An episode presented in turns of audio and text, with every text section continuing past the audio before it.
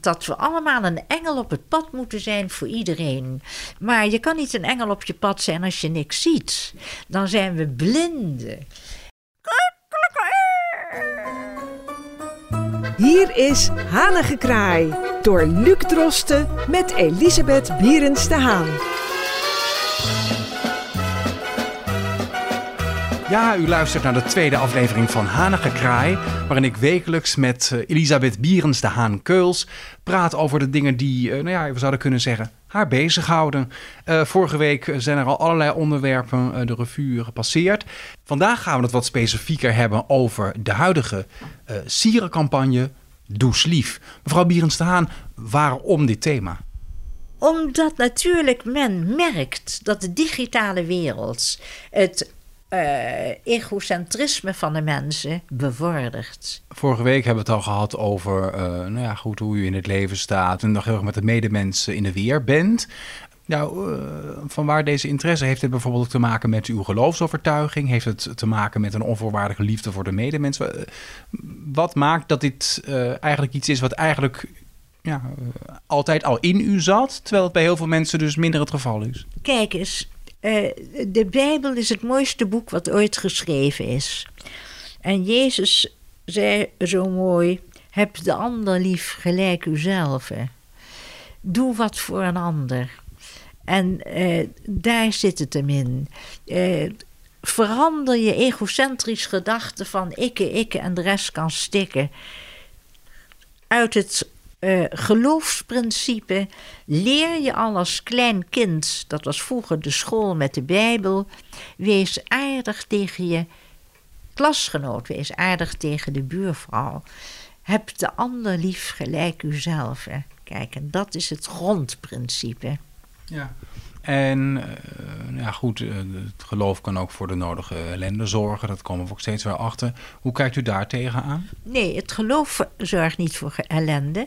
De mensen die het geloof vertellen en naar buiten brengen, die maken wel eens faux pas. Dus die gaan wel eens een misstap doen. Maar het geloof, zoals Jezus van Nazareth in de Bijbel naar buiten heeft gebracht als zoon van God, dat is een geloof wat onaantastbaar is. Dat staat als een rots in de branding. Uh, de meeste mensen die ik op straat ontmoet, tenzij het een wat oudere generatie is, de, jaren, de mensen in de tachtig enzovoort. Maar toch, het gros van de mensen loopt met zo'n schattig telefoontje, zijn bezig en zien de buitenwereld niet meer. Dus de digitale wereld is een weg die het uh, autisme bevordert. En daarom heeft men uh, gedacht bij de overheid: we moeten daar wat aan doen. Dat is douchelief. Dat betekent dat je de telefoontjes even in je zak stopt en dat je om je heen kijkt en dat deed ik toen ik naar de slager ging. Daar liep een, hele lieve dame. Ik zeg, mevrouw, u hebt uw arm in het gips. Wat hebt u gedaan? En toen zei ze, ik ben gevallen in huis. Ik zeg, wat een ellende. En is nog uw rechterarm ook, wat een toestand. En we komen zo, we praten even. En toen zei ze, goh, mevrouw, ik, ik ken u wel. Ik weet niet waarvan. Ik zei, nou, dat is van, van de Beethovenstraat, allerlei dingen. En toen zei ze: Weet u iemand die mijn vitrages kan wassen? En toen zei ik: Dan ga ik voor u aan de slag. En dat is douchelief. En dat vind ik doodnormaal. Ik zei, mevrouw, als ik twintig jaar jonger was, dan klom ik op een ladder en dan ging ik dat doen voor u. Maar ik ga mijn hulp vanmiddag bellen. Heb ik gedaan en die hulp is gekomen, heeft vitrages gewassen. En deze dame heeft mij weer teruggebeld en gezegd, u was een engel op mijn pad. Ik vind dat we allemaal een engel op het pad moeten zijn voor iedereen. Maar je kan niet een engel op je pad zijn als je niks ziet. Dan zijn we blinden. En het is wel grappig dat in de Griekse tijd uh, dat Plato stond te praten met Socrates over de, Griekse bevolking, dat ze zo stomzinnig bezig waren. En dan zei Socrates: tu flos tato taton tenun tato matei. Ze hebben een neus en ze ruiken niet. Ze hebben een mond en ze proeven niet. Ze hebben ogen en ze zien niet. Dus dat speelde toen ook al. Maar Nu hebben we vandaag lief. En dat betekent dat onze ogen open gaan. En dan zien we opeens een blinde meneer met zo'n rood-witte stok. En dan ga je naar die meneer toe, geeft u mij een arm dan gaan we samen oversteken. Kijk, zo wordt het. En daarom lief. Ik vind het een geweldige campagne. Nou, dat uh, valt niks tegen in te brengen, zou ik willen zeggen. Nee, dat kan ook niet. Nee, inderdaad. Nee. We lijken al uitgepraat eigenlijk. ja. Maar het is, uh, nou, het is mooi om te zien dat u inderdaad... En met die vitrages is het goed gekomen. Ja, is het goed gekomen. En de aarde en hemel, ze zijn met elkaar verbonden. En of er nou een dier is in nood...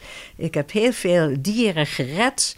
En nog steeds als ik iets zie eh, op diergebied... Dan, dan zou ik zeggen, ik neem het beestje mee naar huis... en dan vertroetel ik het en ik zoek een huis voor het dier.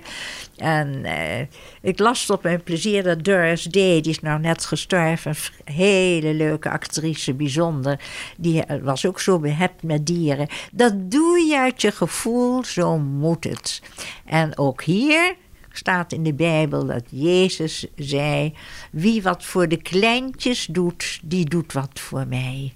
En ik doe wat voor de kleintjes. Dat wil ik. De kleintjes, die komen ook aan bod. Ja.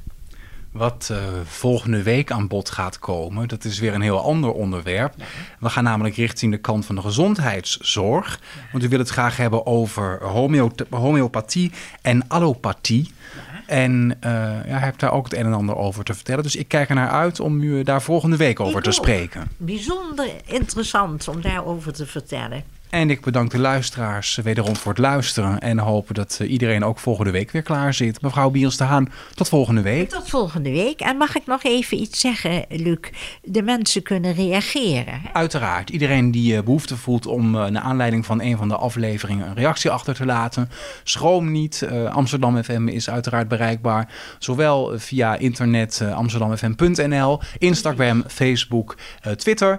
Maar ook nog gewoon per post. We zitten in de boek boekhandel Scheltema aan het rook in. Ah, dus uh, iedereen, en mevrouw van Mierens de Haan, ik geloof ook dat u uh, absoluut open staat voor reacties. Ja, dat vind ik leuk, natuurlijk. Uh, nou, de luisteraars. Positief.